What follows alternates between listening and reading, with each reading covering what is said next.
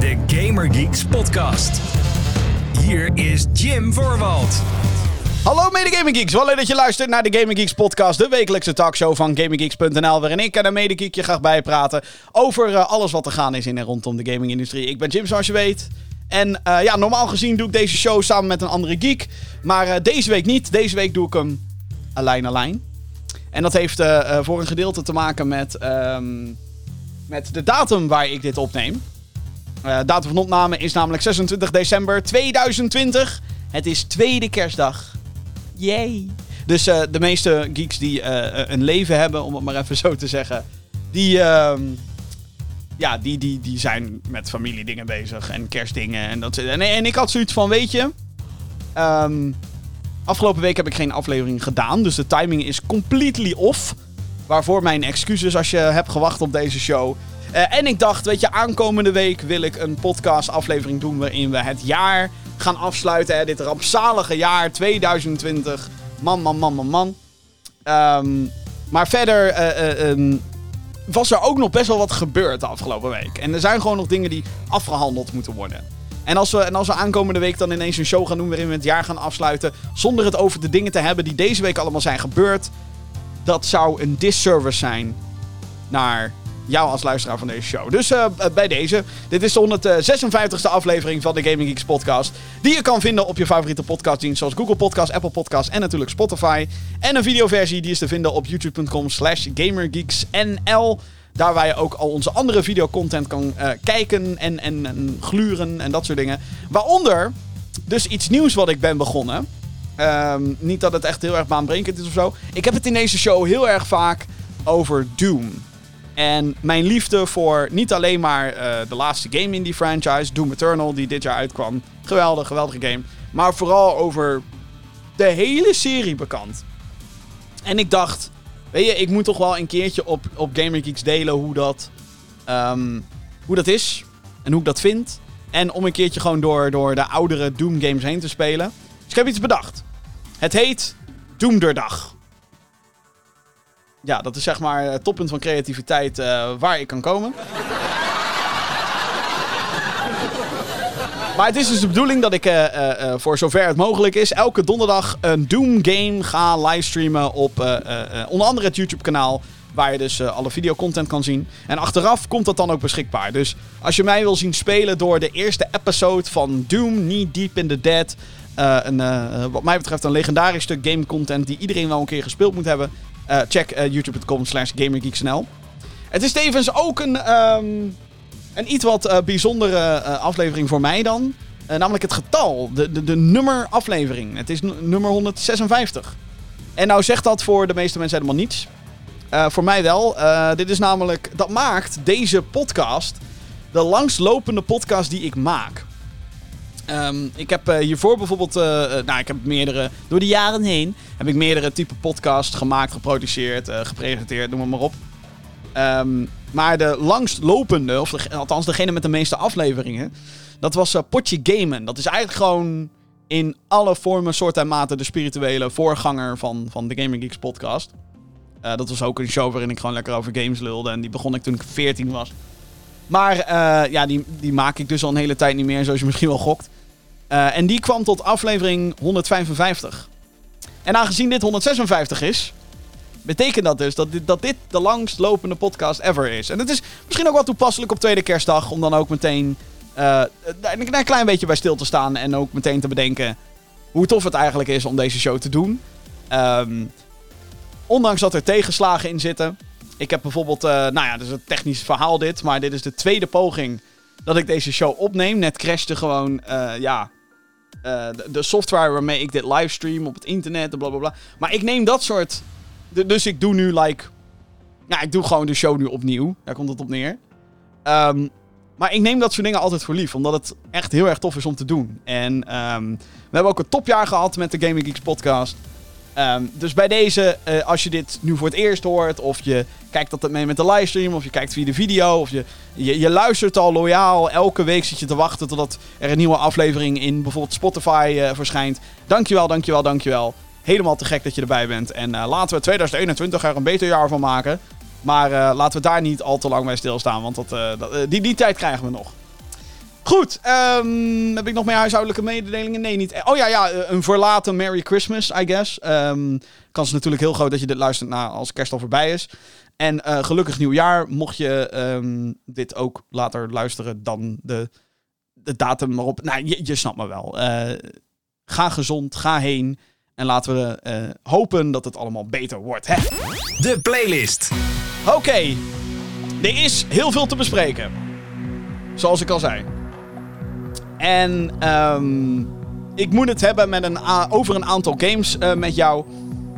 Waaronder natuurlijk de big one. De big one waar, we zo meteen, ik zo meteen op terug ga komen. Allereerst Spider-Man Miles Morales.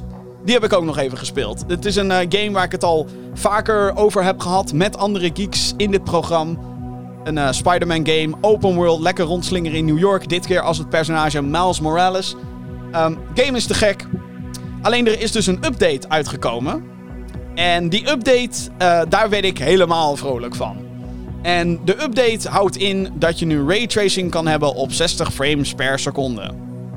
Nou, wat is dat? Raytracing is een nieuwe licht, of nou nieuw, nieuw, nou ja goed, redelijk nieuwe techniek waarmee je licht uh, realistisch kan reflecteren in videogames. En dat zorgt natuurlijk voor meer immersie en een veel realistischer beeld.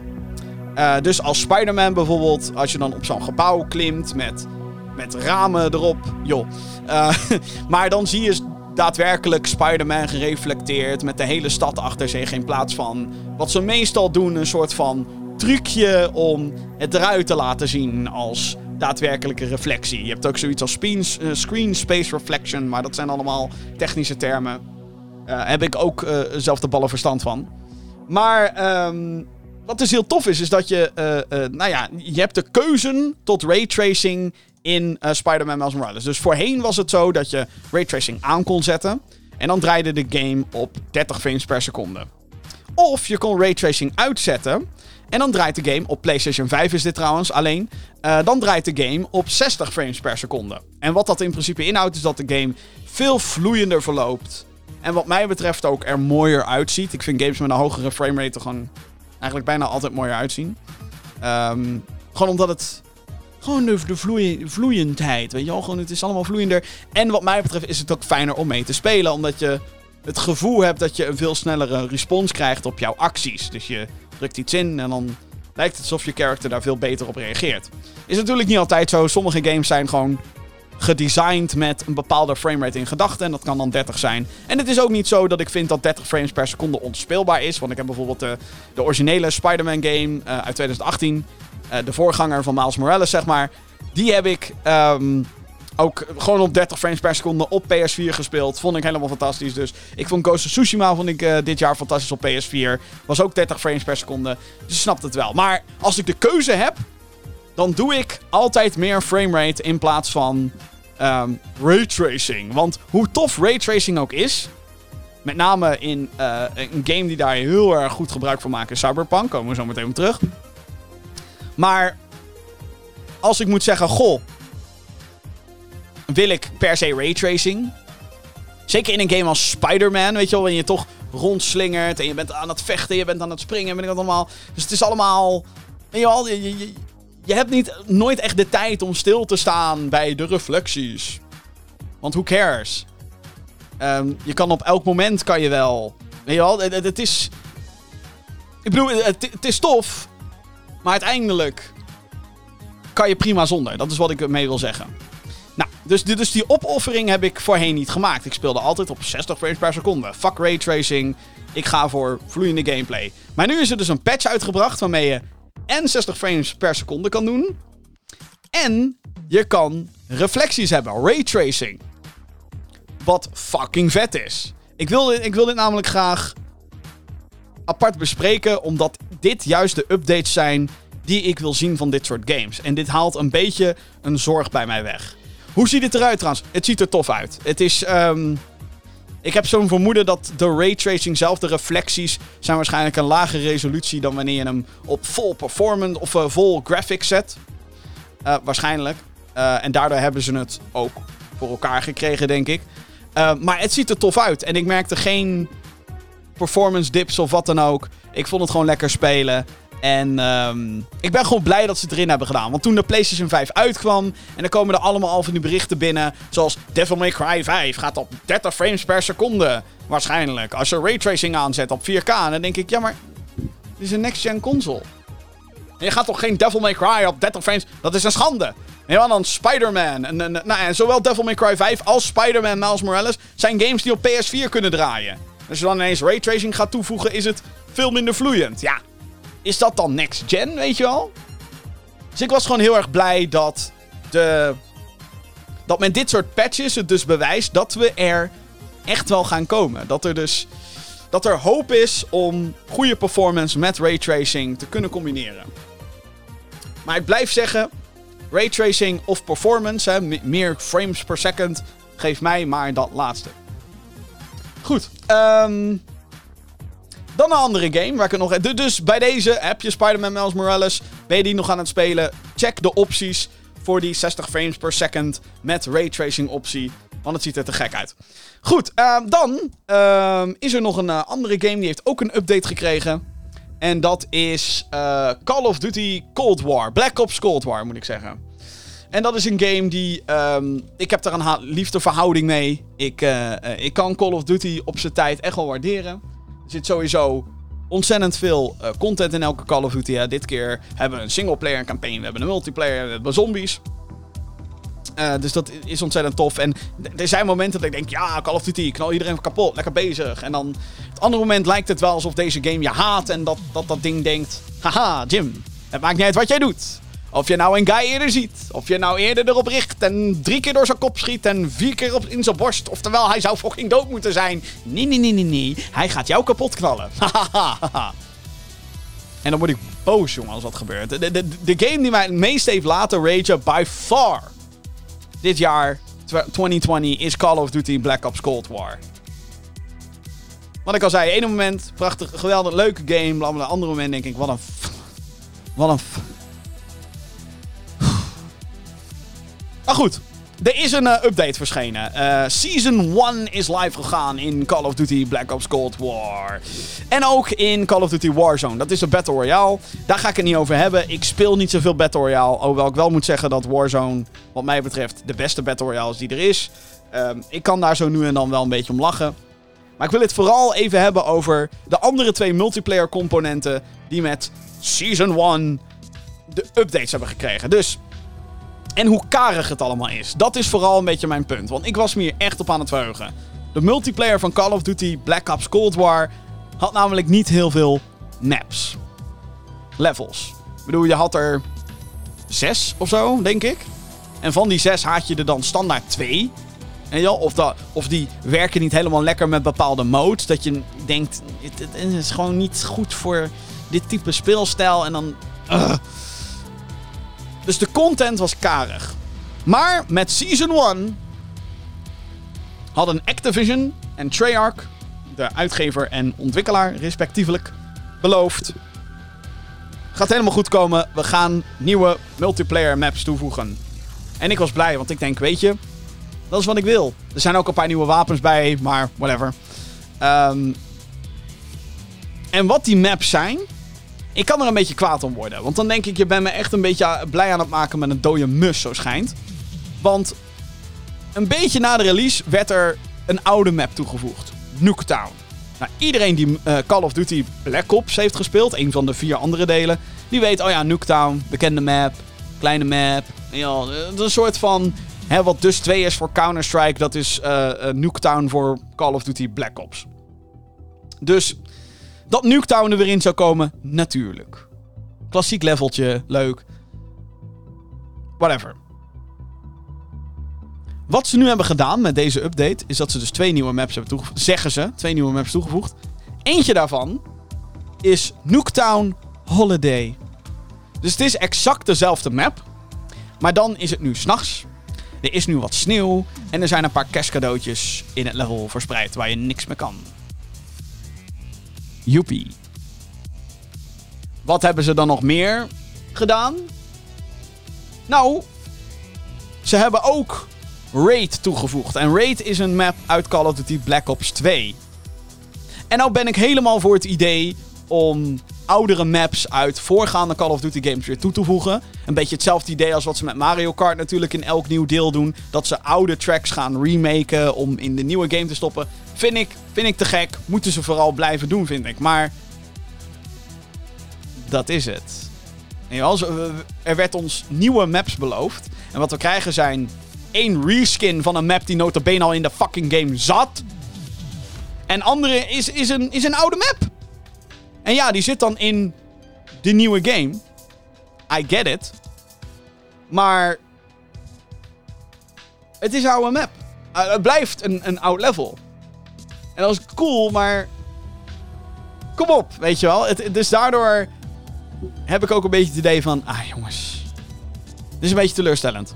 Dus wat deed ik vervolgens? Ik ging naar de zombies mode. De Call of Duty Black Ops Cold War heeft een, een co-op zombie mode. Zombies knallen in een level. En er zijn allemaal gekke, obscure dingen die je moet doen om, om een soort van easter eggs te unlocken. En uiteindelijk een of andere final boss te, te kunnen killen. Ze hadden daar ook een nieuwe mode in toegevoegd. Zeiden ze. Of althans, dat staat ook aangegeven in de game als een mode. Het heet Jingle Hells. Maar het enige wat het is... En dit is geen grap, by the way. Het enige wat het is... Is... Um, dezelfde map. Zelfde objectives, zelfde gameplay-stijl, zelfde wapens. Alleen de zombies hebben nu een kerstmutsje op. En sommigen laten cadeautjes vallen. Waar dan random items in zitten. En dat is het. Dat is het.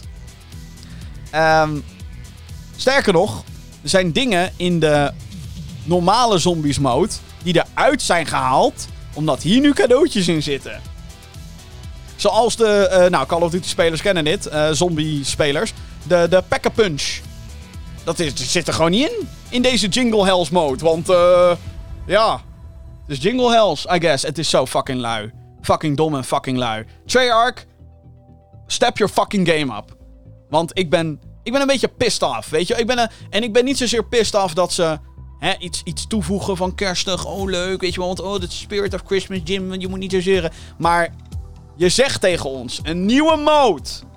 Nieuw. Je, je, je bent aan iedereen aan het roepen, het is nieuw, het is leuk, het is tof.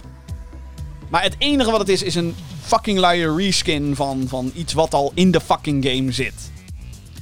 Dus um, ik ben een beetje disappointed in uh, het verloop van Call of Duty op dit moment. Vind ik niet tof. Goed. En van een teleurstellende Call of Duty gaan we naar... Oh. Cyberpunk 2077. You're breathtaking. Yeah. Oh, oh, oh, oh, oh. Cyberpunk 2077. De game heeft afgelopen week zelfs het RTL Nieuws behaald. Dus waarschijnlijk weet je al dat er het een en ander aan de hand is met deze game. Het nieuws kom ik zo meteen nog terug. Over wat er allemaal gebeurd is. En voordat ik ga beginnen aan mijn voorlopige uh, beoordeling van de game voor deze aflevering van deze show, wil ik alvast zeggen dat Cyberpunk 2077 een game lijkt te zijn die voor mood swings zorgt. Dus vorige week was ik nog wel van het. Ja, weet je, ik vind een paar dingen echt wel heel erg cool gedaan. Sommige dingen wat minder. Maar. En deze week is mijn stemming geswitcht naar. Volgens mij heb ik het niet naar mijn zin met het spelen van Cyberpunk 2077. En om dat te zeggen over een game zoals Cyberpunk 2077 vind ik heftig. En um, eigenlijk is het op de dag van opname. Ik heb eerder vandaag heb ik nog een paar uurtjes Cyberpunk gespeeld. En toen had ik, ik zat gewoon te spelen en dacht van ja, maar ik kan nu wel doorgaan blijven spelen, maar ik vermaak me niet op dit moment. er zijn zoveel dingen niet goed aan Cyberpunk. En je kan shit gaan negeren. En je kan dingen door de vingers zien. Maar als je ook ziet, en iedereen weet inmiddels in wat voor dramatische status deze game gelaunched is. Dan weet je gewoon dat. Het is niet, goed. Het is gewoon niet goed genoeg. Als voorbeeld. Um, Nu is dit probleem inmiddels verholpen met een patch, maar er was dus een, een probleem met save games. Dat als je save game te groot werd, dat je save file dan corrupt kon worden. En je save game kon alleen maar groot worden als je natuurlijk een heel wat uren had gespeeld. En als je, met name als je veel met het crafting systeem bezig was en heel veel had zitten looten en zo. Dan, dan kon het dus zijn dat je save file van Cyberpunk groter werd dan 8 megabyte. En dat, dan kan de game dat niet meer handelen of zo. Save file corrupt. Bam, weg. Waardoor je dus eigenlijk gewoon actief spelers aan het demotiveren bent om door te spelen. Dit is inmiddels gefixt. Met een patch, godzijdank. Maar dat is nu wat CD Projekt Red aan het doen is. Ze zijn hotfixes aan het uitbrengen voor directe kritische issues. En er is gewoon no way, José, dat de systemen waar ik me nu aan erger, dat die gefixt gaan worden binnen een week, een maand, twee maanden, een half jaar of sterker nog een jaar. Er zijn zoveel dingen die ik niet tof vind aan Cyberpunk op dit moment, dat ik denk dat ik oprecht nu. Ik bedoel, ik was al kwaad op de manier hoe het gereleased is. Maar er zijn zoveel dingen niet goed gedaan in deze game. En voordat ik daarover ga beginnen, moet ik nogmaals benadrukken: ik speel op een PC.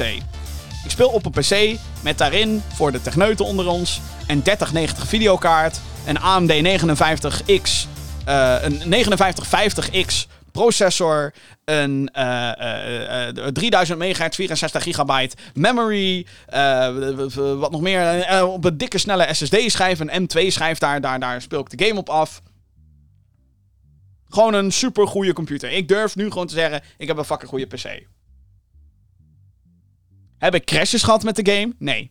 Maar ik draai alles dus op de hoogste settings. De hoogste settings. Het enige wat ik doe om, zeg maar, de, de, de, hè, hoe vloeiend het loopt, de performance omhoog te houden, is dat ik een techniek gebruik die heet DLSS. En dat, is, dat staat voor Deep Learning Super Sampling. Dat houdt in dat AI, zeg maar, de resolutie.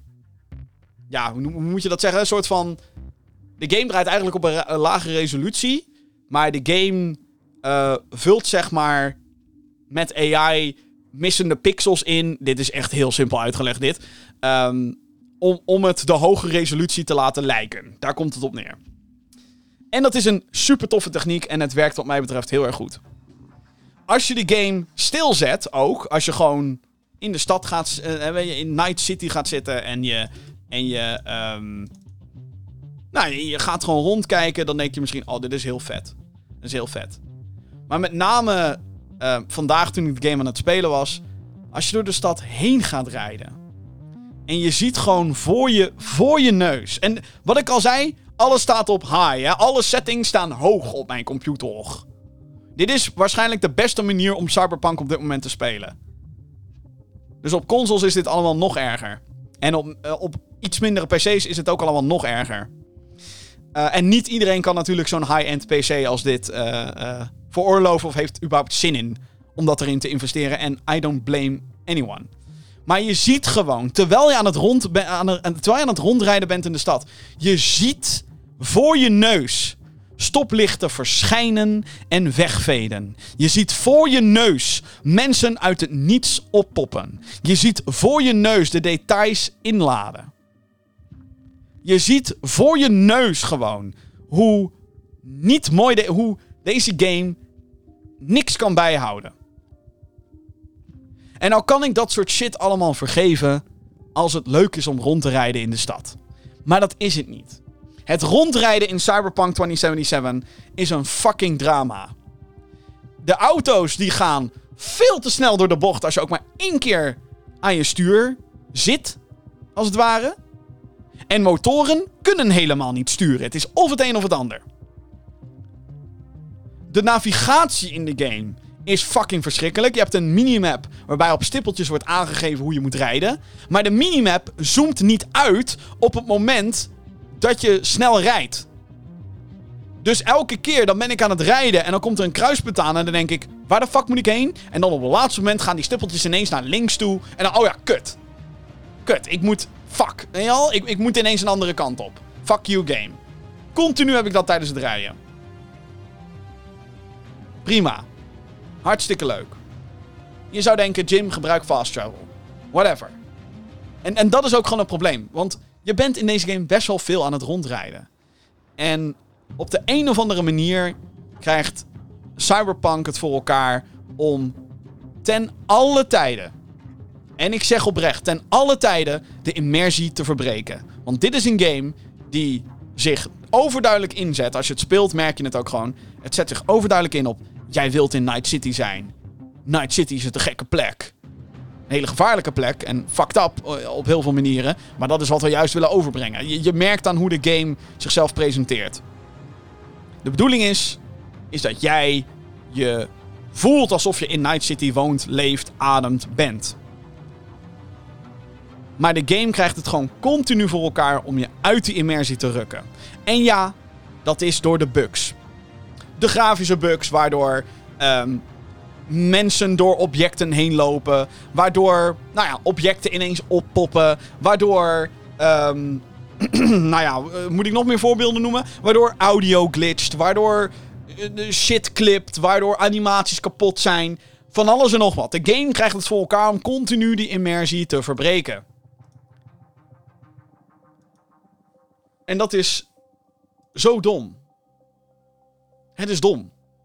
En het is. ehm, dat is het jammerlijke eraan. Maar waar het wat mij betreft nog verder in gaat, is dat het dus ook qua gameplay niet zo tof is als dat het had kunnen zijn. De gunplay is oké. Maar dan kom je bij de AI. De AI van de, de mensen die je tegenkomt. De AI van de NPC's die rondlopen in Night City. Welke AI? Welke AI? Niemand, geen enkel character in deze game weet hoe het moet reageren op bepaalde situaties.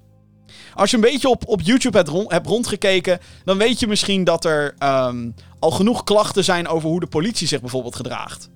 De politie in deze game heeft geen artificial intelligence. De politie in deze game, zodra je een misdaad pleegt, spant er ineens politie voor je. Bam. En op het moment dat je in een auto gaat zitten en je rijdt weg, ben je de politie kwijt. Punt. Er is geen, geen manier hoe dat niet anders loopt. Ik heb het vandaag letterlijk uitgeprobeerd. Ik ging gewoon, weet ik veel, iemand random kapot rijden. Oh, combat, politie, hoe, ze komen achter je aan. En ik doe letterlijk een rondje om de straat. Om een groot gebouw, zeg maar, met wegen eromheen. En ik was ze kwijt. Ik was ze zogenaamd kwijt. Want daarna stonden ineens twee AI-politieagenten. Gewoon stil op de weg. Gewoon. Die stonden daar nog, want ze waren al ingespand. En de game had geen idee wat het met die twee agenten moest, moest doen. Ze stonden daar gewoon. En ze stonden en het waren trouwens ook nog eens exact dezelfde character models. Leuk detail. Twee exact dezelfde politieagenten stonden daar stil te staan. Want immersie. En het is fucking dom. En ik ben. ehm ik weet niet. Ik. ehm En dit is iets wat gewoon continu in de game gebeurt. Continu. Als je in een vuurgevecht belandt, zijn er een paar mensen die op je gaan schieten. Twee anderen die schieten naar een muur. En eentje kan niet om een auto heen lopen. Want zo fucking dom is de zogeheten artificial intelligence in deze game. En ik, ehm, wat ik al zei, ik, ik, ik, waarschijnlijk ga ik dikke mood swings krijgen over deze game. Maar op dit moment denk ik oprecht gewoon. Assassin's Creed Valhalla is beter. gewoon. Die game werkt. Weet je wel? De, de, de, tuurlijk, de AI is daar ook fucking dom. En het is onrealistisch en zo. Maar op zijn minst gaat die AI naar jou op zoek, naar jou op jacht. Nee wel, die, die reageert tenminste op jouw aanwezigheid op een manier dat ik denk, oh ja, ja dat, dat, weet je, het is niet altijd logisch, maar oké, amen. Maar hier, ja, ik, ik weet gewoon niet wat er aan de hand is met deze game. En ehm, het zijn meer dan. Dit, dit, dit gaat voorbij glitches. Dit gaat voorbij bugs. Ik realiseerde me vandaag tijdens het spelen van Cyberpunk 2077 dat ja, de game is buggy. Ja, de game performt niet zo goed als dat het zou moeten. Ja, er zijn glitches overal. Maar Cyberpunk 2077 is niet af. Bepaalde systemen zijn niet af. Politie spant voor je neus. Het rijden voet niet goed. AI reageert niet zoals het zou moeten. Het is één grote clusterfuck. En ehm, hoe meer ik speel, hoe teleurgestelder ik word. En. Het, het, is, het is. Ik besprak dit van de week met een maat van me. En. Het is zeg maar. Heel vaak zeg ik in deze podcast: van jongens, we moeten niet hyped raken met z'n allen. We moeten het gewoon niet doen. Verheug je vooral niet op een game. Doe het niet. Waarom? Omdat shit gewoon soms niet realistisch is om te bereiken. Omdat je kritisch moet kijken naar hoe een game eruit ziet en hoe het, weet je wel. En je moet ook kijken naar wat de studio in het verleden heeft gedaan. En ja, ja, ja, ja. Bij Cyberpunk had ik zoiets van. Maar het is wel CD Projekt Red. Het zijn de makers van The Witcher. En ook al is The Witcher allesbehalve perfect. Ook al zullen heel veel mensen dat ook niet beamen, waarschijnlijk. Um, alsnog. Ja, weet je, het is. Ik dacht, deze game is zo super ambitieus. En ze zeggen continu: we gaan het alleen maar releasen als het klaar is. We gaan alleen maar releasen als het af is. Maar. Ik had niet verwacht dat het zo. subpar zou zijn. Zo. mediocre. Zo middelmatig in sommige dingen. Het is. Um, het is een game die mijn vermoeden altijd doet bevestigen. Wees niet overhyped, wees sceptisch en wees kritisch, zeg ik altijd in deze podcast. En ik wou dat ik soms zoveel meer dat fanboy gevoel kon krijgen als wat ik um, in het verleden vaker heb gehad, in alle eerlijkheid. Ik kijk altijd cynisch naar een game. En dat is niet omdat ik me nooit verheug op een game, want dat doe ik wel.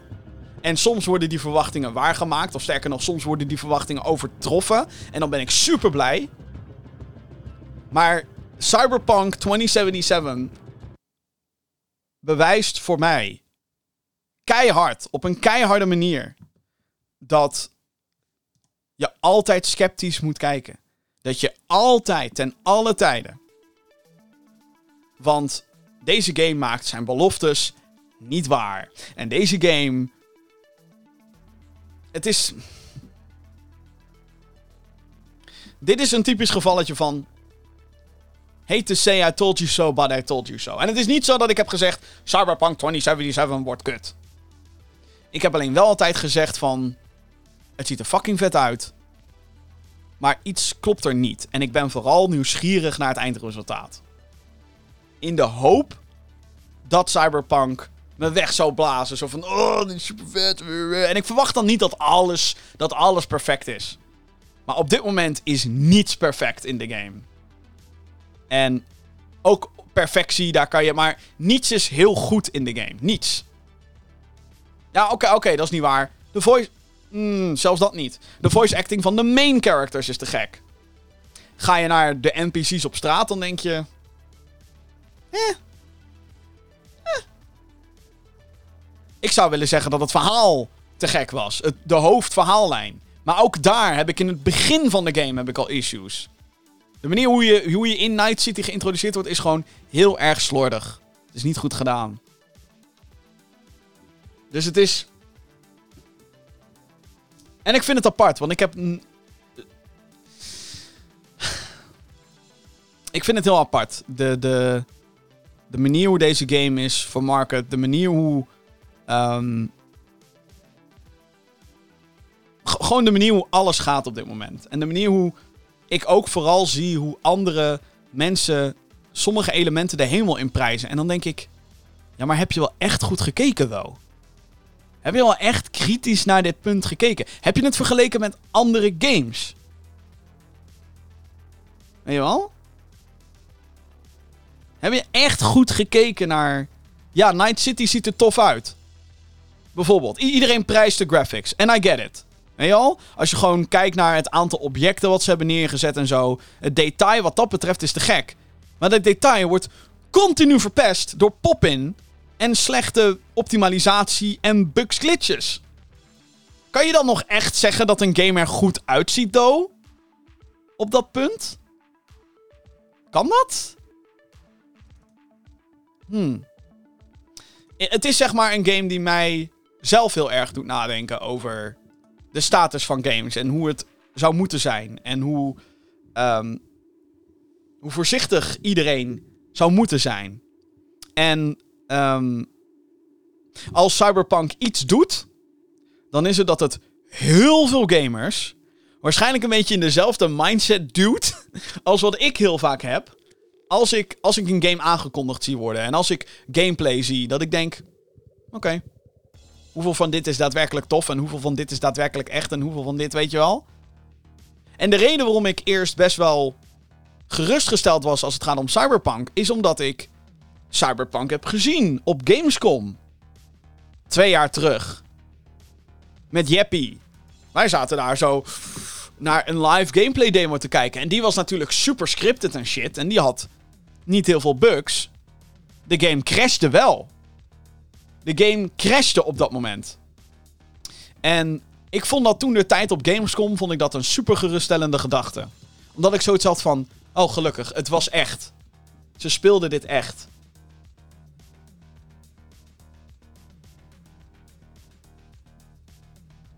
Ja, het is, het is disappointing. Dit is een game die. Excuses voor de podcastluisteraars. Er komt zojuist een nieuwe follower binnen op de, op de livestream. Dat is een alert, die had ik uit moeten zetten. Sorry. Ehm, maar heel veel mensen. Ik ben helemaal. Wacht even voor even een slokkie. Slokkie voor Cyberpunk.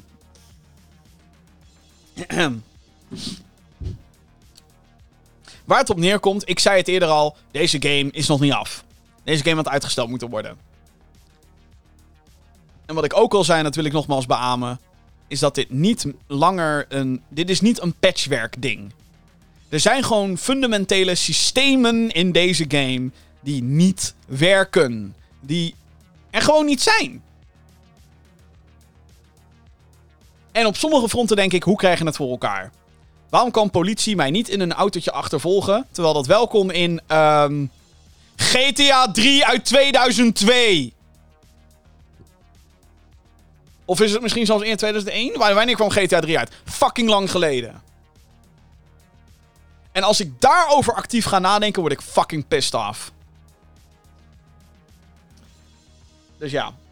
Ehm, dat is op dit moment mijn, mijn mood als het gaat om Cyberpunk. En ik zie verschillende stemmingen zie ik voorbij komen. Bijvoorbeeld op de Gaming Geeks Discord. Daar had Medegeek, come on! Jeroen, die zei op een gegeven moment... "Man, ik ga niet meer spelen, man. Ik ben klaar met deze... Gewoon, ze moeten het eerst fixen. In die stemming zit ik nu. En later is hij het wel weer gaan spelen omdat hij zijn nieuwe videokaart binnenkreeg. Weet je wel, en als je ergens een, een nieuwe videokaart mee wilt testen, dan is het met Cyberpunk. Maar ehm, ik snap zijn gedachtegang volledig op dit moment. En dan heb je natuurlijk ook mensen zoals eh eh Jeppy, Medegeek Jeppy. Die zit helemaal... Ik heb nog amper issues gehad. Ik heb amper crashes gehad. Weet je wel? En dan... Aan de ene kant denk ik... En dan ben ik nu heel eerlijk. Sorry Jeppy als je dit hoort. Maar dan denk ik... Jeppy, kijk je wel echt goed naar wat er om je heen gebeurt? Kijk je kritisch naar wat er gebeurt? En hoe het speelt? Kijk, ik heb geen idee. Ik speel zelf de game niet op PS5. Doet hij wel. Ehm, maar het zou mij, zeg maar... Het zou voor mij een wonder zijn... Als het op PC, op een van de sterkste personen. Ik wil niet, wil niet te afscheppen over mijn computer, maar... Als, als het daar ineens minder goed werkt dan op een PS5. Want mijn PC is sterker dan een PS5. Gegarandeerd. Dus ja, eh, ik zie verschillende eh, moods dus voorbij komen over Cyberpunk. En ehm, tuurlijk ga ik wel weer spelen, weet je wel. Tuurlijk, weet je, ik ben nog niet klaar met de game. Ik, ik vind het verhaal op zich wel tof, maar ja, de rest eromheen is op dit moment gewoon... Het is subpar, het is niet goed. En het is... ehm, het duurde me even om tot die conclusie te komen. En wat ik al zei, ik voorspelde het al. Misschien zit ik volgende week weer met... Nou, weet je wat? Als je wat verder komt, dan is het misschien wel weer tof. En dat kan. Maar ehm, zeker als je naar bepaalde elementen kijkt, dan ehm, is het niet goed. En, en dat is kut. En dat is ehm, een zonde. Want ik denk dat er geen enkel bedrijf is geweest, geen enkele gameuitgever, ontwikkelaar is geweest, die zo'n hoge reputatie had. En die zo ontzettend naar de kloten is geholpen. En hoe dat komt, ja, weet je. ehm, niet zozeer aan elke individuele ontwikkelaar. Maar wel de leiding van CD Projekt Red die heeft gezegd: We brengen het uit. Big mistake. Zometeen in de Gamer Geeks podcast. Ah, eh, laat ik maar ophouden over eh, met het zelf renten. Ehm, want we gaan eh, naar het nieuws toe en daarin gaan we het helaas meer hebben over Cyberpunk 2077. CD Projekt Red verliest namelijk compleet zijn reputatie. Hoe of wat? Nou, ik ga het er zo over hebben. Eh, in positieve nieuws gaat Among Us harder dan ooit. En natuurlijk ga ik ook de mailbox weer even openen. Dus eh, eh, heb jij vragen voor de show? En aan het einde van dit programma, van deze aflevering, heb ik een specifieke vraag aan je als het gaat om die mailbox. Maar tot die tijd gaan we natuurlijk even legen. De mailbox podcast.gaminggeeks.nl voor kwesties en vragen rondom deze show. Podcast.gaminggeeks.nl Nieuws. Oké. Cyberpunk 2077. Na vele klachten en vage communicatie heeft PlayStation de knoop doorgehakt. Eigenaars van Cyberpunk 2077 kunnen via PlayStation hun geld terugvragen, ook als je de game al gespeeld hebt. Hierover eh, was er onduidelijkheid, omdat het officiële beleid is bij PlayStation dat als je een game hebt gedownload op je PlayStation console, je geen recht meer hebt op je geld terug. De beslissing was historisch, want niet alleen kan je dus je geld terugvragen op PlayStation. Cyberpunk 2077 is ook van de PlayStation Store verwijderd en kan dus niet meer gekocht worden. Mensen die de game wel hebben, zij het digitaal of fysiek, die kunnen natuurlijk nog wel blijven spelen en ontvangen ook de patches die CD Projekt Red uitgeeft. Nog nooit eerder haalde PlayStation een AAA-titel van hun digitale winkel. Behalve wanneer de rechten verstreken bij bijvoorbeeld een uitgever. Eh, Activision heeft bijvoorbeeld de rechten niet meer tot Spider-Man.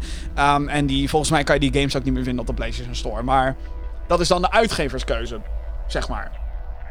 Cyberpunk 2077 die kreeg natuurlijk felle kritiek. Met name op eh, de basisconsoles zoals de PlayStation 4 en Xbox One.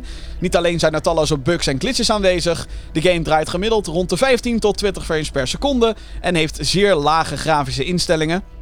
Xbox kondigde niet lang eh, na PlayStation's bericht ook aan om refunds te accepteren, maar haalde de game dus niet van zijn digitale winkel af.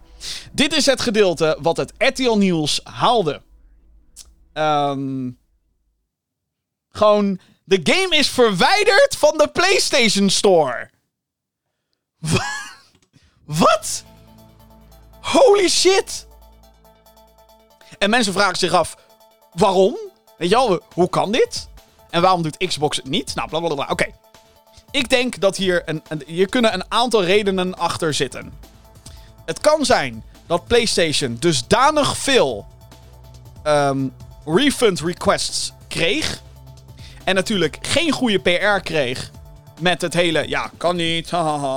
Bij sommigen wel, bij heel veel anderen weer niet. Dus het was een beetje een wisselwerking. Ehm, daar kan het mee te maken hebben dat ze zoveel refunds kregen dat ze zeiden: fuck it. Ehm creditcard eh, maatschappijen gaan klagen.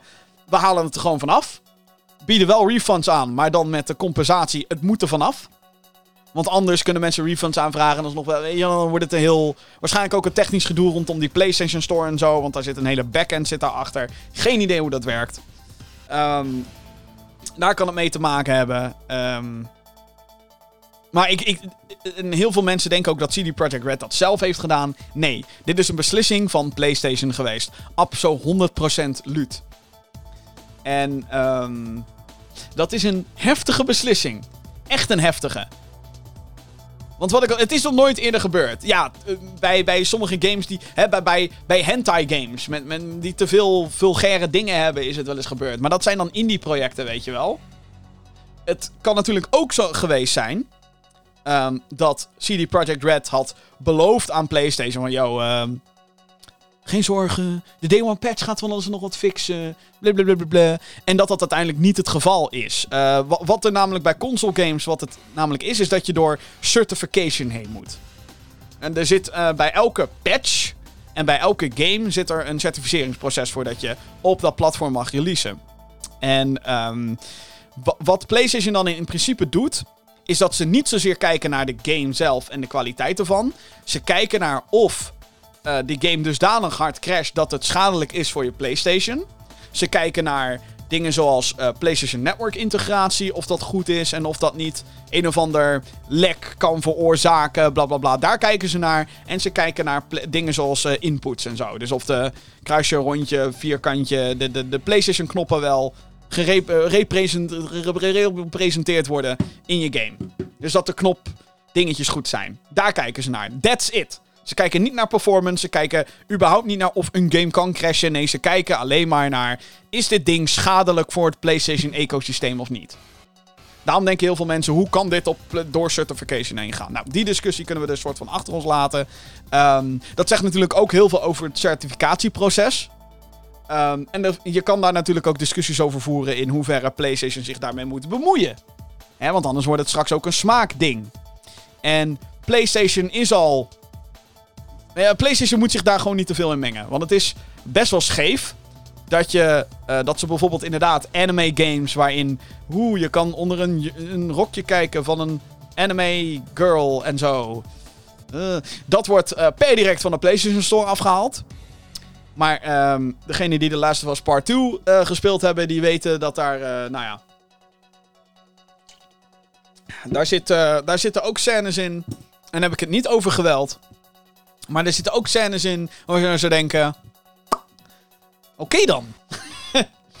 ja, degenen die het gespeeld hebben weten waar ik het over heb. Maar, dus dat is al scheef. En ik denk niet dat PlayStation zich daar verder in, moet- eh, verder in moet mengen.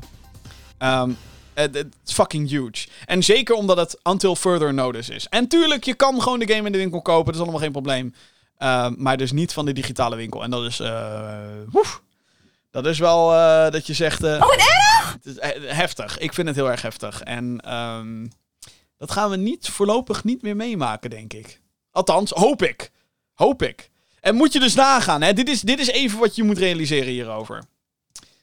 Dus Fallout 76, een game die ook tot veel punten compleet kapot was, bleef overal staan.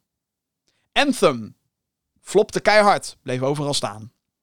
Die game was niet zozeer technisch kapot, maar alsnog. Ehm, nog een voorbeeld. Eh, Marvel's Avengers. Ook niet echt. Ja, was dat een technisch drama? Wel als je gaat kijkt naar performance. Dat was ook wel. Maar met name Fallout 76. Niks aan de hand, bij wijze van. En Cyberpunk wordt eraf gegooid. Wat de fuck. Dat is heftig. Goed, eh, maar er was meer nieuws. Uiteraard. Behalve dat eh, historische gebeuren. Eh, Good Old Games, het PC-platform, beter bekend als GOG, heeft ook een controverse deze week. Niet alleen maar Cyberpunk, maar ook GOG. En dat heeft dus iets met elkaar te maken. Ja, het is allemaal spannend. Ik weet het. Oké, wat, is, eh, wat, is, wat is Devotion? Of wat is Good Old Games? Oké, bla. Overnieuw.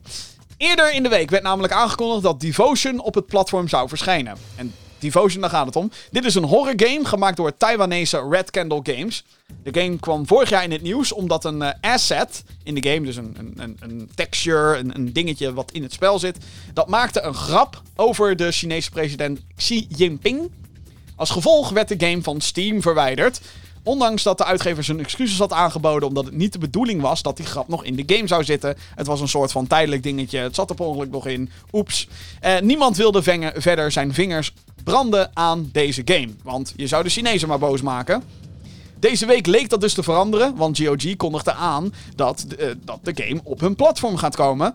De ontwikkelaar werd natuurlijk eh, blij, maar tegelijkertijd blij gemaakt met het dode mus. Want een paar uur later wist Good Old Games een boodschap te tweeten dat ze toch afzien van het publiceren van Devotion.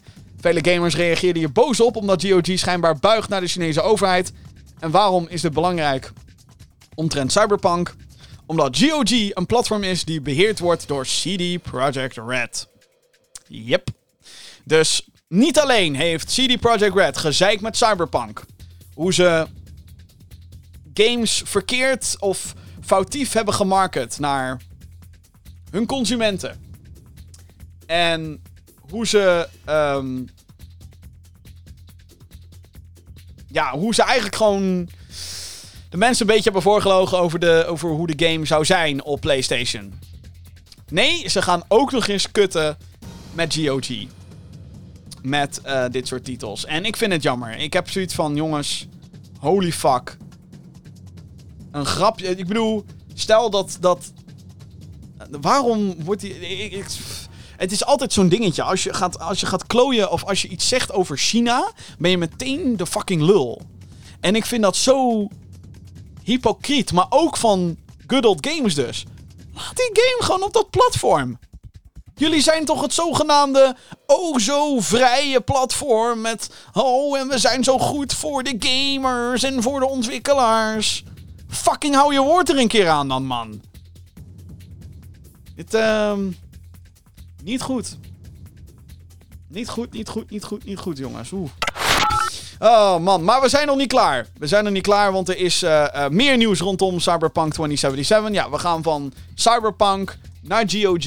Weer even terug naar fucking Cyberpunk.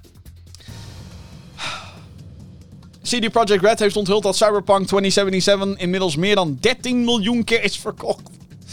Ah, de mensen die de game hebben eh, teruggebracht zijn hierin overigens meegerekend. Dus je zou denken, oh 13 miljoen, dat is... eh, maar de mensen hebben... Nee, dus ook de mensen die het hebben teruggebracht, die zijn van dit getal afgehaald. We weten natuurlijk niet hoeveel mensen in totaal een refund hebben aangevraagd of de game hebben teruggehaald. Bla bla bla bla. Maar er zijn nu dus 13 miljoen mensen die Cyberpunk 2077 in bezit hebben. Of althans 13 miljoen verkochte exemplaren. Holy shit. Eh, dat is verrassend gezien de ophef. Er is ook eh, wat minder goed nieuws voor CD Projekt Red. Zo zijn investeerders bezig met het opzetten van een, grote rechtszaak. Een zogeheten class action lawsuit tegen de uitgever. De redenen hiervoor zijn false or misleading statements regarding the quality of Cyberpunk 2077. Dus het is officieel. Er wordt een rechtszaak aangespannen eh, vanwege de, de kwaliteit van de game. Eh, investeerders zijn namelijk vals ingelicht over de status van de game, hoe het eruit zag en wat ze gingen doen om de game te releasen. En dat is waar. Ehm, er is eh, een hele, eh, inmiddels een hele bekende quote van een van de presidents van CD Projekt Red. Die had gezegd: ehm, Oh, the game runs surprisingly well on current gen consoles. Refererend naar PlayStation 4 en Xbox One. Leugens. Bullshit. Ah, wat een teleurstelling, jongens. Wat een teleurstelling. Ik, ehm Meer dan terecht, by the way. Meer dan terecht. Want investeerders zijn nu boos, want door al deze ophef, terechte ophef, zijn, eh, zijn de aandelen, de waarde van de aandelen van CD Projekt Red, zijn natuurlijk.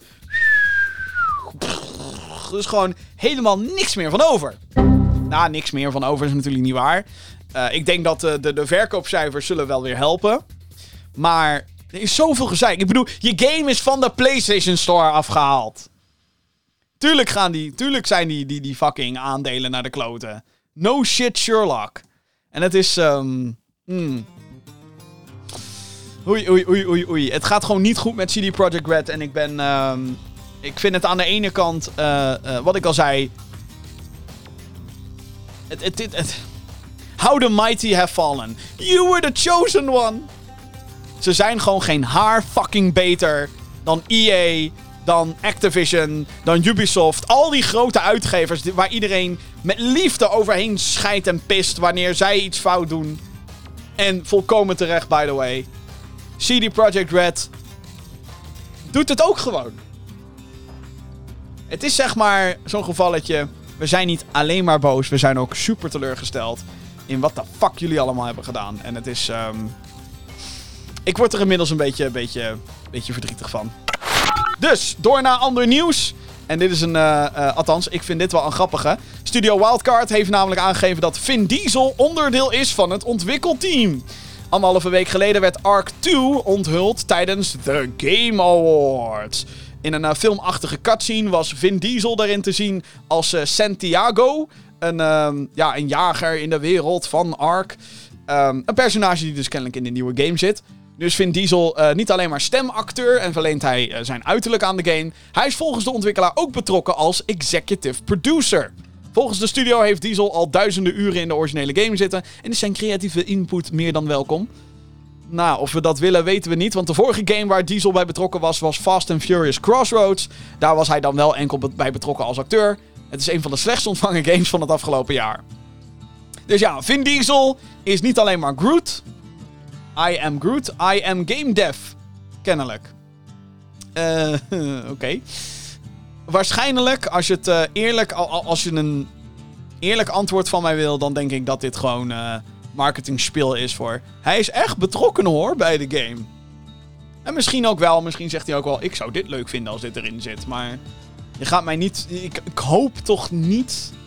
En nou, het lijkt me een hele aardige gast trouwens, Vin Diesel. En verder helemaal niks tegen Vin Diesel, maar of hij zeg maar zo'n rol moet krijgen als eh, eh, in, in een game studio. Sowieso is executive producer ook vaak de meest vage term die je kan bedenken. Eh, ook bij films. Christopher Nolan was executive producer bij Man of Steel. Oké, wat deed hij dan? Niemand die daar eigenlijk een duidelijk antwoord op kan geven. Behalve dat hij soms zegt, oh ja, dit, dit is wel cool. Dit niet. Joepie, gefeliciteerd. Nou goed, Ark 2, wanneer het uitkomt, we hebben eigenlijk nog geen idee. Ehm... Ze beloven in ieder geval weer een eh, toffe survival game met, eh, met eh, next-gen graphics en wat allemaal. Er komt ook een animatieserie trouwens voor degenen die dat gemist hebben. Er komt ook een animatieserie met dus ook Vin Diesel. Maar ook een shitload aan andere acteurs zoals David Tennant, eh, de eh, wie zat er nou? Russell Crowe zat erin, Gerard Butler zat erin, Elliot Page zat erin. Echt een, Malcolm McDowell gaat daarin spelen. Wordt echt een, een weer waarvan je wel. En die komt in 2022, komt die animatieserie. Dus misschien is dat een soort van indicatie wanneer ehm Ark 2 dan misschien ook uit gaat komen. Maar dat zijn dus absoluut geen beloftes. Sony Pictures is samen met PlayStation Productions, eh, bezig met in totaal drie films en zeven televisieseries tering. Gebaseerd op PlayStation franchises. Een van de films is Uncharted, met eh, Tom Holland in de hoofdrol als Nathan Drake en Mark Wahlberg eh, speelt er ook in als Sully.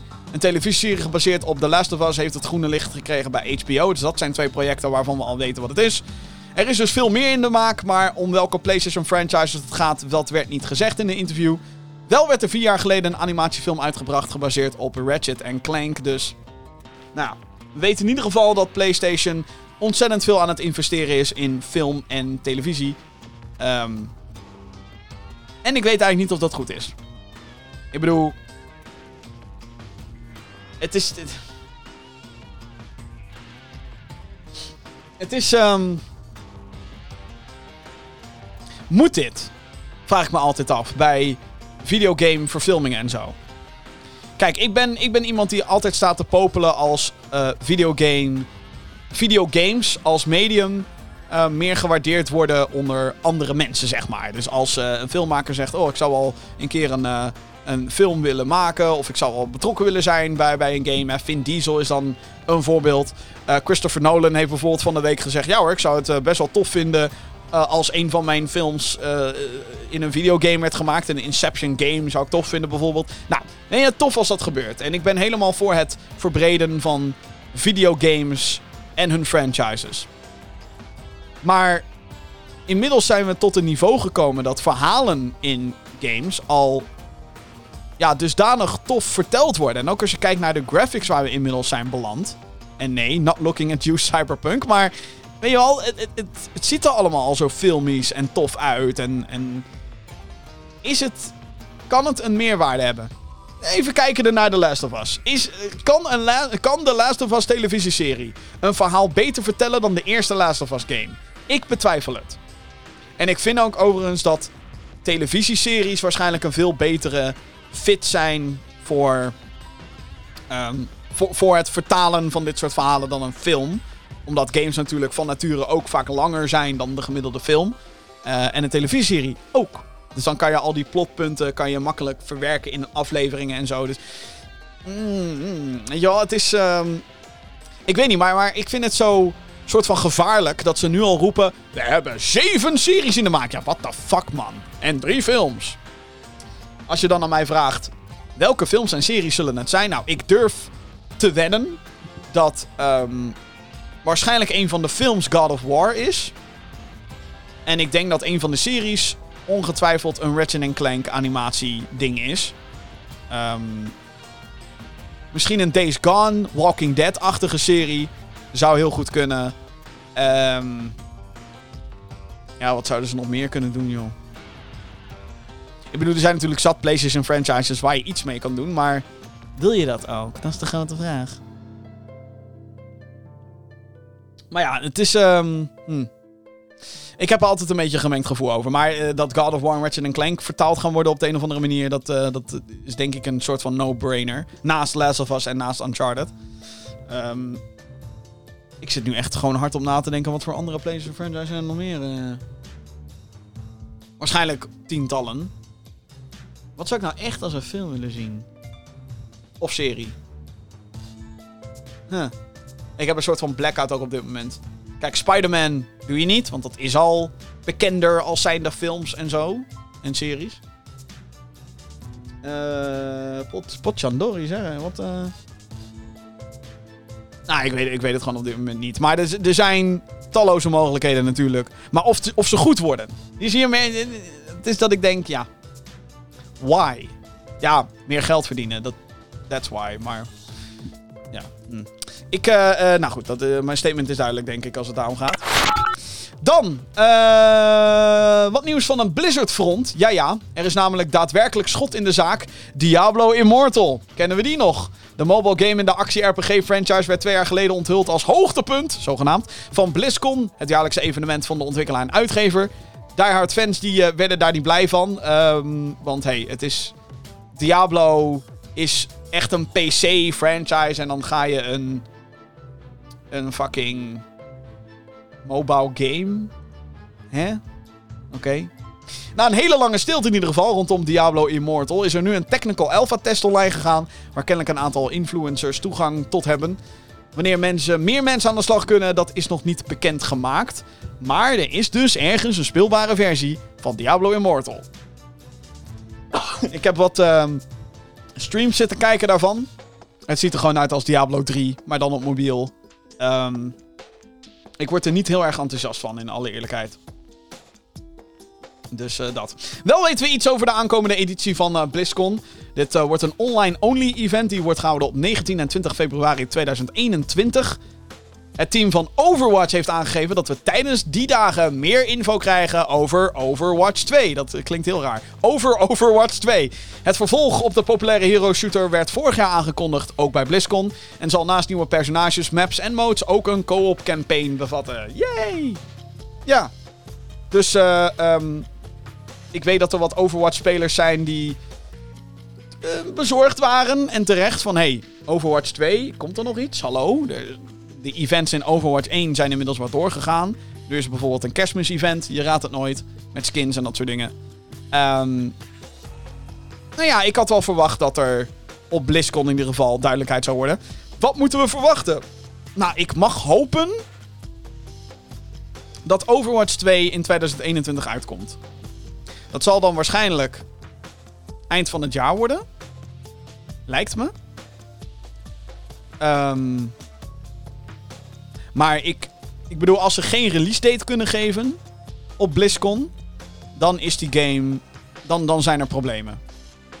En dat zijn dan waarschijnlijk problemen die verder gaan dan. We moesten met z'n allen thuiswerken. Ehm, want je moet toch op een gegeven moment, zeker hè, in het stadium waar we nu zitten, moet je toch wel. Je, je mo- moet inmiddels toch wel kunnen plannen in de omstandigheden die we hebben. En ehm, ik mag daarom dus toch hopen dat ze intern in ieder geval al, al heel wat duidelijk hebben over hoe de verdere verloop gaat van het ontwikkelen en hoe ze ehm, de release gaan doen. Want Overwatch 2 wordt een hele vage release. Want het, het, het, de bedoeling van Overwatch 2 is dat de co-op campaign en de. Nou, eigenlijk alles wat niet de traditionele multiplayer is van Overwatch. Dat dat nieuw wordt. Maar dat de multiplayer van Overwatch dus soort van wordt geupgrade naar Overwatch 2. Waardoor je natuurlijk al heel erg moet gaan afvragen. Waarom zou ik in godsnaam dan geld neerleggen voor Overwatch 2? Als je niet van de co-op campaign bent. Als de multiplayer van 1 toch gratis wordt geupgrade naar 2. Nee, maar hoe gaat dat dan? Weet je wel, hoe... Hè? Nee, het, het, is gewoon nog heel veel onduidelijk. Dus wat ik gewoon hoop is dat ze uh, uh, eind februari dus in ieder geval duidelijk maken... Dit is wat er gaat gebeuren. Dit is hoe het daadwerkelijk gewoon gaat werken. En um, dit is de release date. Da ik wil gewoon een release date. En als ze die dan daarna nog moeten uitstellen, whatever. Maar wat ik al zei, de, de planning wordt nu toch wel heel erg uh, cruciaal. Zeker omdat Blizzard, uh, nou ja, heeft betere jaren gekend, laat ik het zo zeggen.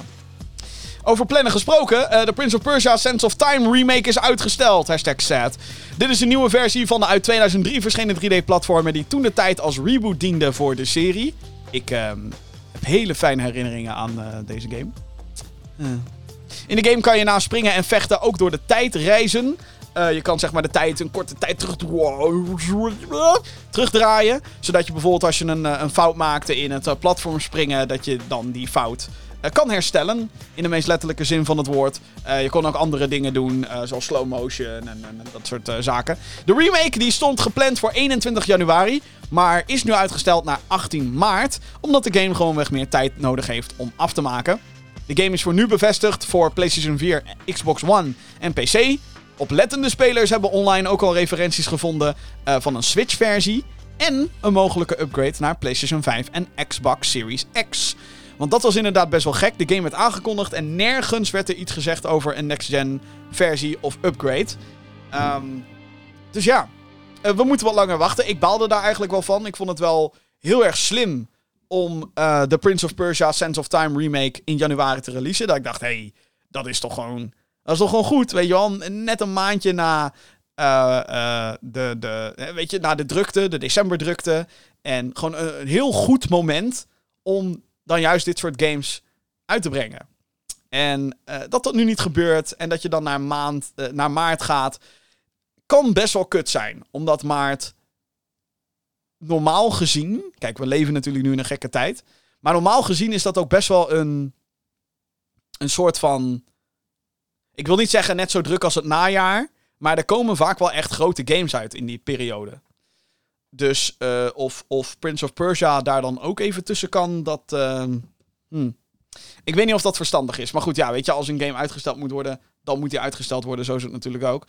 Um, ik moet wel zeggen, als ik heel eerlijk ben, de game ziet er niet super goed uit. Het is niet dat ik... Uh... Nee, al, het is, het is niet super lelijk of zo, maar ik ben, ben ook niet weggeblazen van wauw, dit is wat Ubisoft kan doen met het remaken van deze game. Het ziet er gewoon uit als een. Ja. Niet lullig bedoeld, maar het ziet er meer uit als een remake die op de Xbox 360 gemaakt had kunnen worden. In plaats van op Xbox One en PS4 dan ook, weet je wel? Maar misschien ben ik dan weer iets te gemeen. Maar um, nog niet weggeblazen. Nog niet helemaal overtuigd. Ik bedoel, als ze gewoon de gameplay verder hetzelfde laten zal er niet heel veel aan de hand zijn wat mij betreft. Want dat is dan gewoon één grote nostalgie factor. Maar er is eerder dit jaar ook een andere Ubisoft remake uitgekomen. Of althans, een remake van een Ubisoft titel. Die heeft Ubisoft zelf niet gemaakt. En dat was uh, niet zo goed. Dat was uh, 13. En, dat, um, en niet zo goed is de meest milde vorm die je kan bedenken voor die fucking game. Dus uh, laten we hopen dat Prince of Persia Sense of Time remake sowieso beter wordt. 18 maart dus nogmaals voor PlayStation 4, Xbox One en PC. En mogelijk dus ook nog naar andere platforms. Dan gaan we het hebben over Among Us. Yay! Het gaat lekker met uh, de multiplayer game. De game werd vorige week uitgebracht op de Nintendo Switch als soort van verrassing. En is nu onderdeel van Xbox Game Pass op PC. Maar daar blijft het niet bij, want zo zal de game ook volgend jaar op de Xbox consoles gaan verschijnen. En sluit de ontwikkelaar het ook niet uit dat het uh, ook het PlayStation publiek te gaan bedienen. Dus een PlayStation versie waarschijnlijk ook gewoon onderweg. De. Ja, de. Uh, volgens Superdata, wat een soort van bureau is die uh, allerlei verkoopdata en online data in de gaten houdt, uh, heeft Among Us ook een record in handen. 500 miljoen spelers. Dat is 500 miljoen. Oftewel een half miljard. Die zouden namelijk Among Us gespeeld hebben de afgelopen maand. En dat is. ehm, dat is indrukwekkend. Dat, dat zijn best veel mensen. En dat komt uh, denk ik voornamelijk omdat, uh, uh, nou je hebt de PC-versie, je hebt een mobile-versie die gratis is en die kunnen met elkaar crossplayen, dus letterlijk iedereen kan eraan meedoen. We zitten natuurlijk ook in een lockdown en een pandemie en weet ik het allemaal. En dit is gewoon de, de perfecte, heerlijke casual game. Ik denk ook dat het te maken heeft met, zeg maar, de, ja, de nature van het spel. Ik vind zelf bijvoorbeeld Among Us eigenlijk pas echt leuk worden als je minstens zes spelers hebt. want dan dan schijnt de game wat mij betreft. Um, als het met minder is, dan is een potje toch al heel snel voorbij. En dan is het gewoon niet zo leuk. En ja, ik vind het uh, uh, heel indrukwekkend. En zo zie je maar weer dat zelfs een redelijk simpel idee, een simpele game, met een heel klein ontwikkelteam in de, in de beste omstandigheden een gigantisch succes kan worden. Dus heel erg tof gedaan. Heel erg leuk. Among Us. Laatste nieuwtje van de dag. Um, nou, we zitten inmiddels aan het einde van een maand. Het is bijna 2021. Dat betekent een, nieuw jaar en dus ook een nieuwe maand. En dat betekent weer nieuwe games die je gratis kan claimen op je console abonnementsdienst. Op het moment van opnemen, dus uh, nu de 26e van uh, december, uh, weet ik nog niet wat de titels, of weten we nog niet wat de titels gaan zijn voor PlayStation Plus. Maar Xbox Live heeft wel al zijn titels voor Games with Gold bekendgemaakt. De line-up. Dus aankomende maand kan je downloaden. En dat is. Nou, de line-up is wel. Ja, is wel. Is wel tof. Ja. Vind ik dan. Uh, Dead Rising. King of Fighters 13. Breakdown. En. Oeh, Little Nightmares. Nou, uh, mocht je deze games niet kennen. Dead Rising is een, uh, een zombie game. King of Fighters, nou, zegt het al, fighting game. Breakdown is een OG Xbox game. Volgens mij is dat een beat'em up. En Little Nightmares is een geweldige game. Als je die nog niet hebt gespeeld. Holy shit, holy shit, holy shit, holy shit. Ga dat spelen. Uh, in februari komt het vervolg uit. Little Nightmares 2. Daar heb ik ontzettend veel zin in.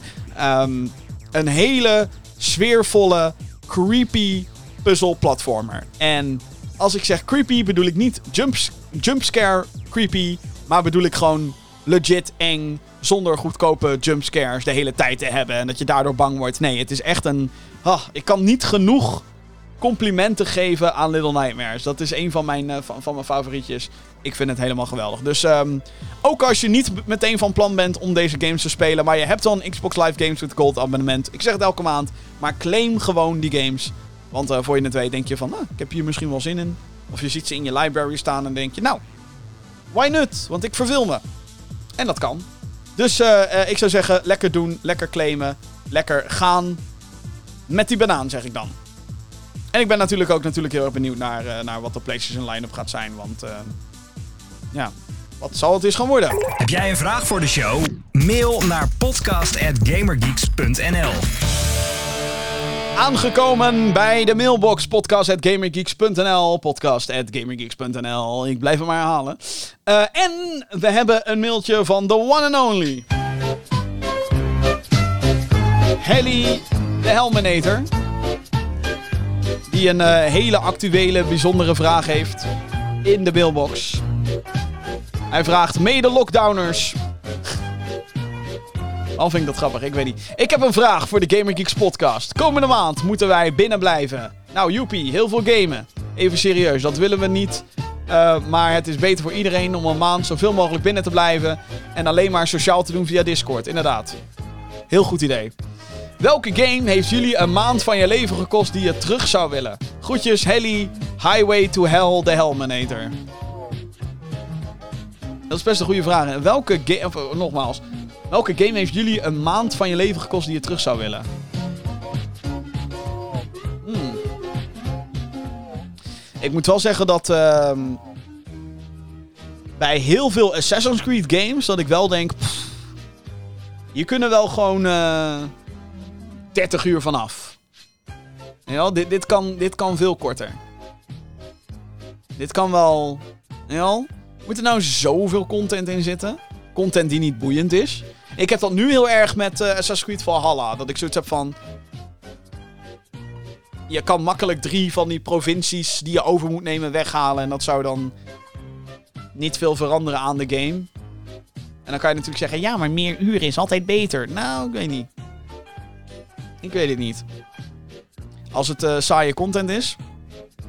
En daarom is Assassin's Creed voor mij ook eh, een soort van game geworden. Dat ik gewoon, als ik met mensen zit te lullen op Discord of zo, pak ik mijn controletje erbij en dan, ik ga gewoon wat dingetjes doen in Assassin's Creed terwijl we aan het lullen zijn. Ja, toch.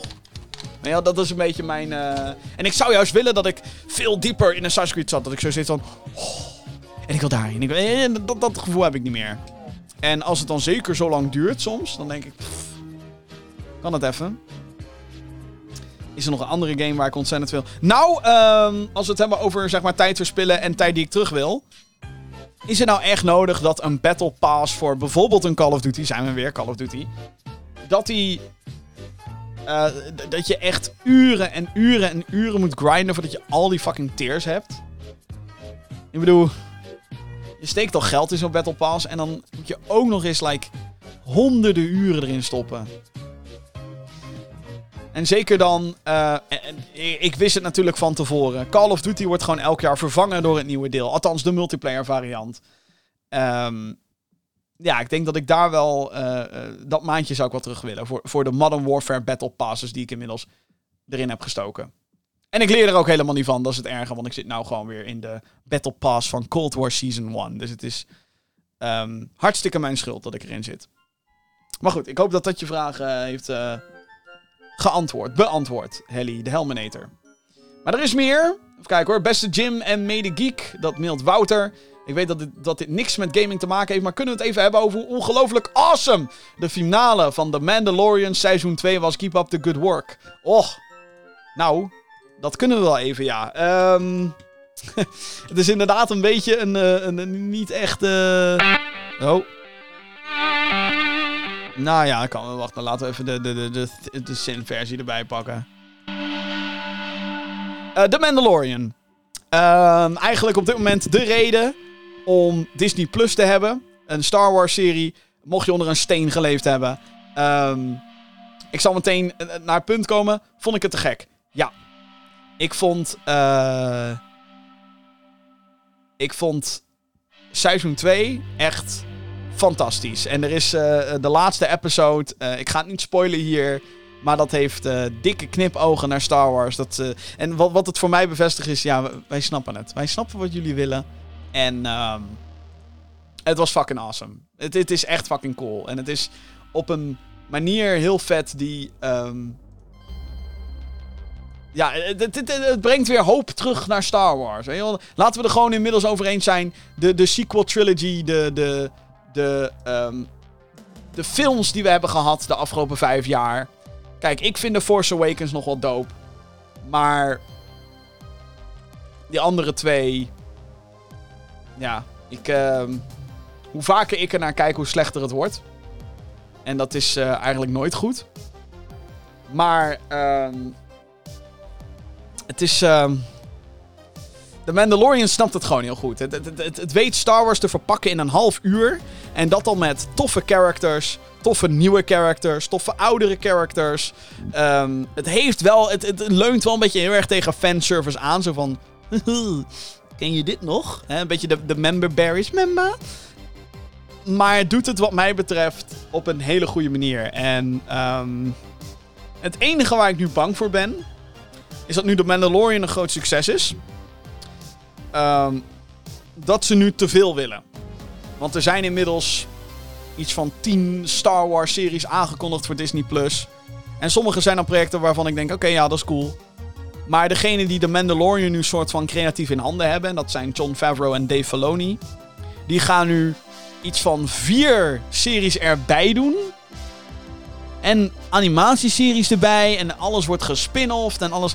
En wat The Mandalorian seizoen 2 ook wel een beetje was, was een soort van pilot voor Star Wars op Disney+. Plus. Nou is het hier nog tof. Weet je ik denk, oh ja, hier kan het nog wel. Hier, hier wordt het ook een beetje verweven in het hele verhaal. Maar ik hoop dat dat dan volgend seizoen wel wat minder wordt. Dat ook de Mandalorian zelf gewoon zijn verhaal mag vertellen. In plaats van, kijk, dit is Star Wars. En er komt meer Star Wars. Dat is het wel. Maar goed, aan de andere kant wil ik ook niet klagen. Want de manier hoe de Mandalorian dat doet is zo fucking vet. Dat ik daarover ehm, niet een hele rant wil gaan houden. Ik wil alleen weer voorzichtig zijn met hype raken voor alles wat nu Disney Plus en Star Wars is. Inclusief The Mandalorian. Omdat, voor je het weet, verneuken ze het weer. Voor je het weet, melken ze het weer uit. En voor je het weet, maken ze, ze weer de domste beslissingen die ze kunnen maken. En ehm, ik hoop gewoon niet dat dat moment er nu al is. Ik hoop dat we nog even, eh, dat dat nog even tof blijft. Maar ik, eh, ik vond seizoen 2 te gek. Dat wel. Als eh, casual Star Wars fan. Ben ik een casual Star Wars fan? Weet ik niet. Ik heb nu een Star Wars kersttrui aan. Ben je dan casual fan of ben je dan... Ik weet niet. Er zijn Star Wars fans op het internet die beweren dat ik niet het verhaal kan snappen van The Mandalorian. Omdat ik Clone Wars niet heb gezien en omdat ik Rebels niet heb gezien. Fucking kinderanimatieseries, Matty. Jij snapt het verhaal van Ahsoka niet. Ik weet niet hoor, wordt best wel goed uitgelegd in The Mandalorian. Zonder dat ik me gedwongen voel om fucking zeven seizoenen van Clone Wars te kijken. Dus ja. Ja. Dat is wel het gevaar waar Star Wars nu tegenaan leunt. En dat is een beetje wat Avengers Endgame ook had. Stel, je had niet een uitgebreide kennis van Avengers. Voordat je naar Endgame gaat. Hè. Je, alle. Ik bedoel, daarvoor kwamen er twintig films of zo in de Marvel Cinematic Universe. En Endgame brengt dat natuurlijk allemaal samen. Infinity War deed dat ook al. Maar zeker met Endgame is het toch wel van: heb jij alles wel gezien? En recentelijk? Want anders snap je heel veel dingen niet in die film.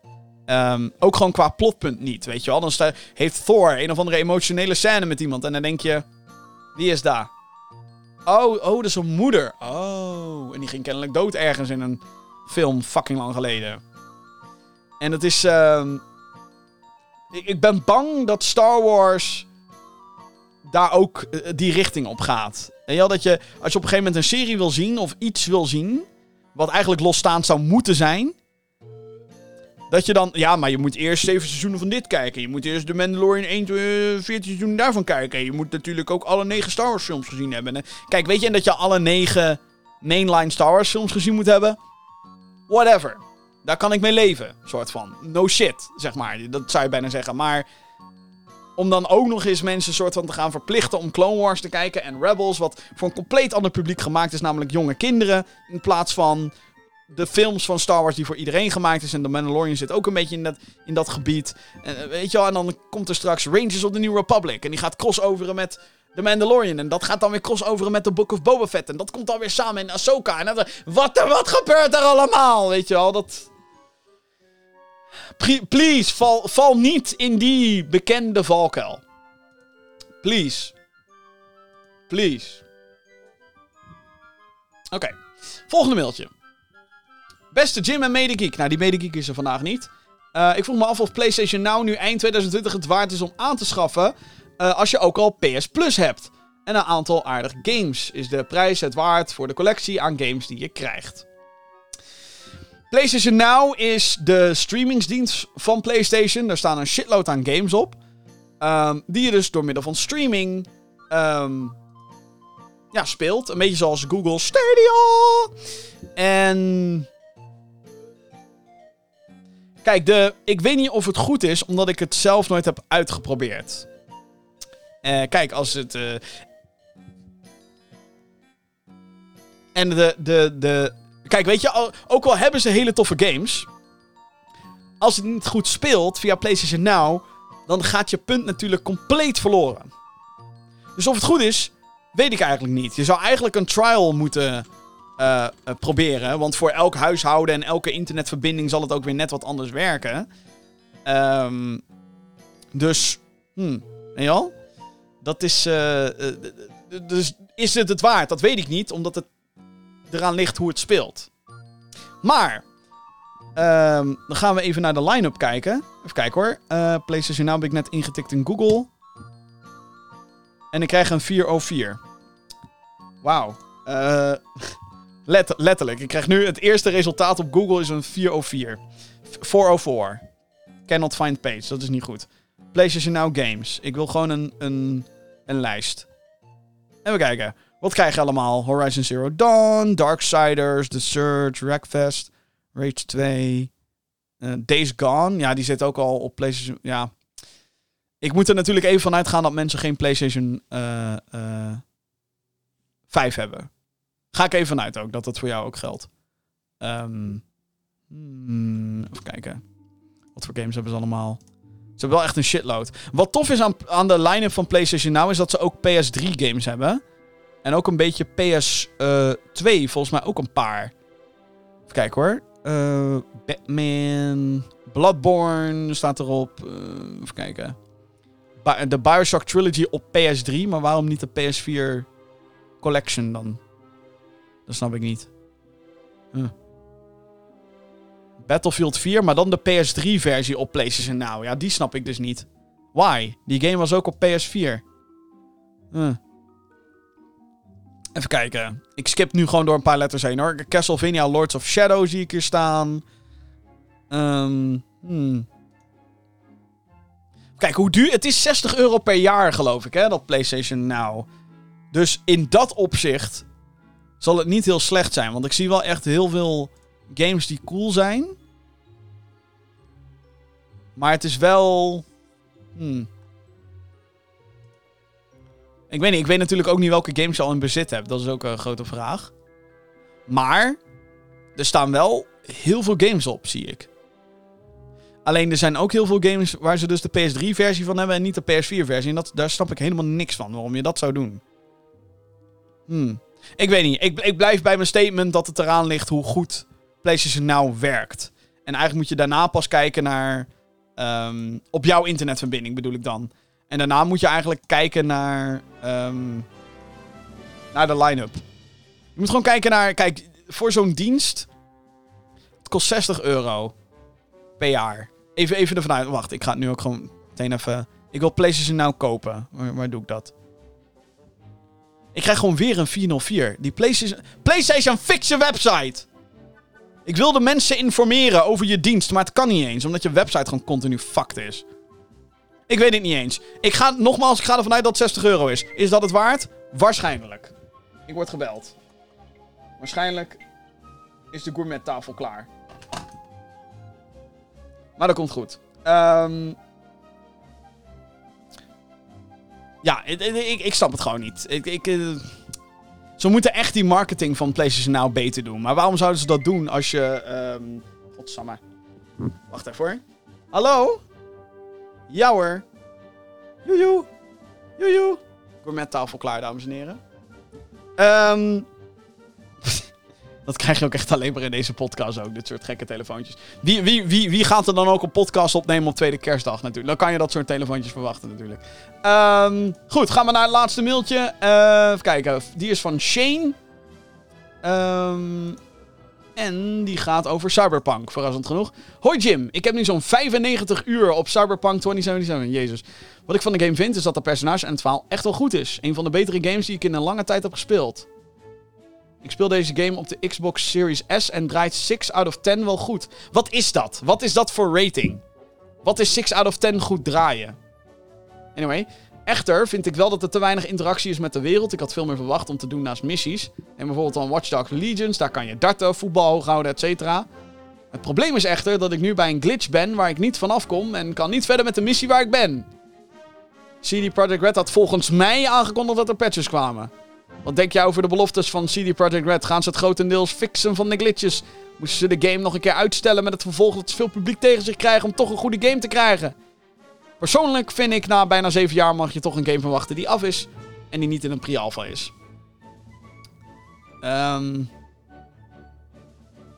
ik vind het dus heel grappig dat je zeg maar dit als conclusie hebt, maar dat je wel zegt dat het een van de betere, betere games is die je de laatste tijd hebt gespeeld. Arme jongen. Wat heb je nou allemaal zitten spelen? Eh, nou, ik heb natuurlijk zelf al uitgebreid gerant over Cyberpunk in deze aflevering. Dus ik ga me niet, zelf niet al te veel herhalen. Ehm, wat CD Projekt Red nu gewoon moet doen... is hetzelfde wat No Man's Sky heeft gedaan. Hou je bek.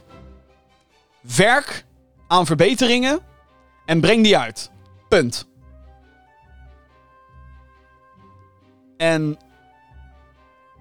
Ehm, wat ik al zei, kijk, en dit is het lastige. Tuurlijk, glitches kan je fixen, bugs kan je fixen.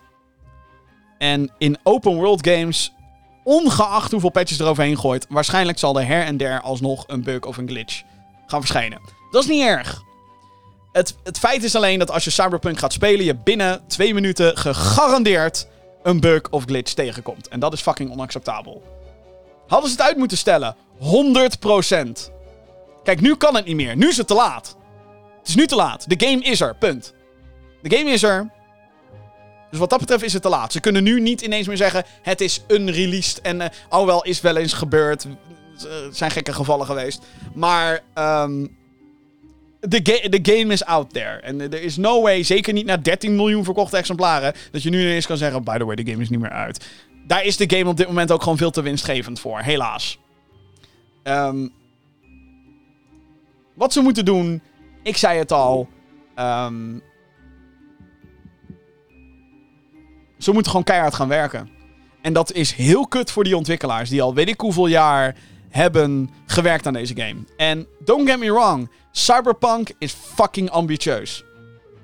Als je kijkt naar hoe de stad in elkaar zet en hoe ze echt elk steegje willen ze details in verwerken, dat is super ambitieus. Dit is geen Assassin's Creed wereld. Ja, dit, is, dit is echt gewoon de meest gedetailleerde stad in games ooit. Alleen is bijna alles fundamenteel kapot. En technisch.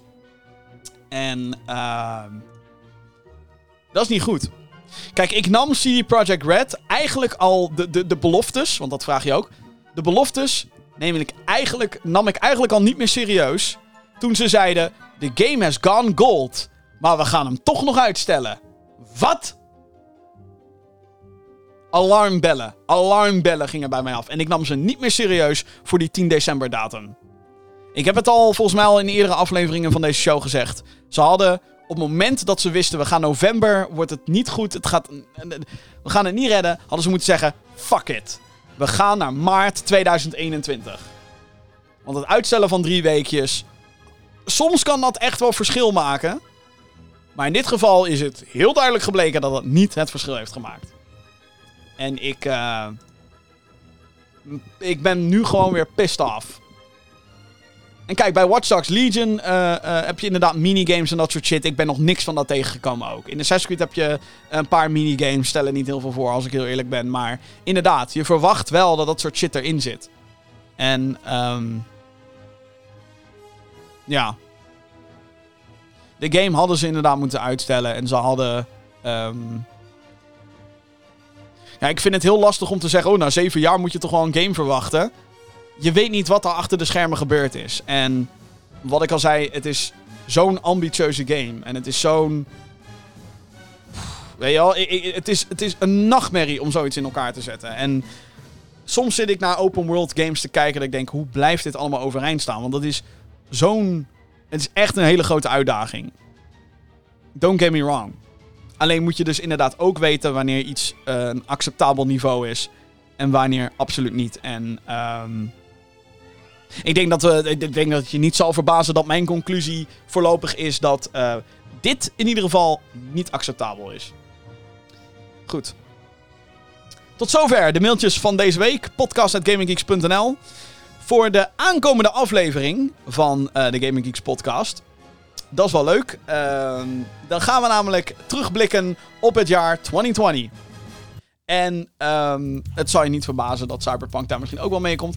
Maar wat we gaan doen in de aankomende aflevering van deze show is... Um, we gaan de Gamer Geeks Awards doen.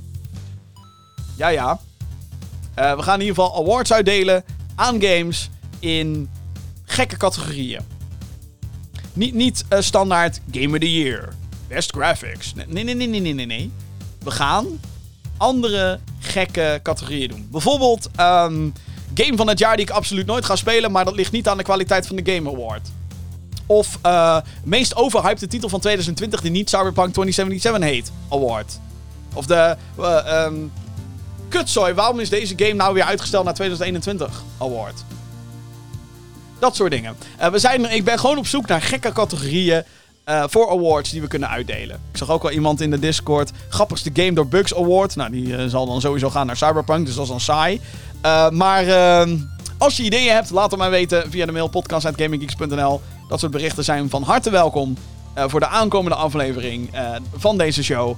Gaming Geeks podcast nummer 157. Dat wordt dus de Gaming Geeks Awards van 2020.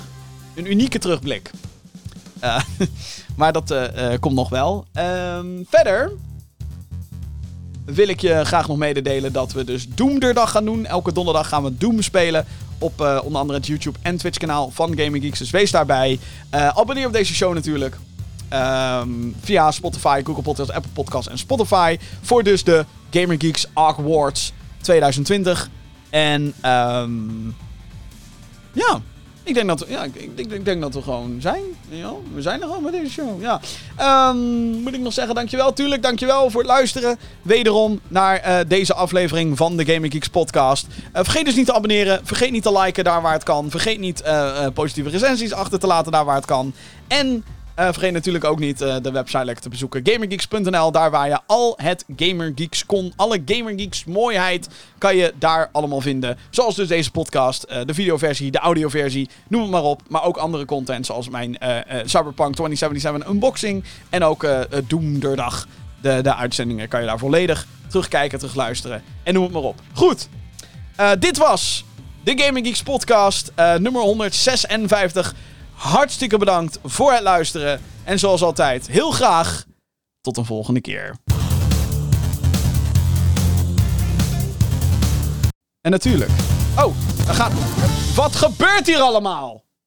Toen viel die, toen viel die stil. Zo. Dat was een videofile die vond ik niet leuk. Oké, poging 2. Dag mensen. Doei.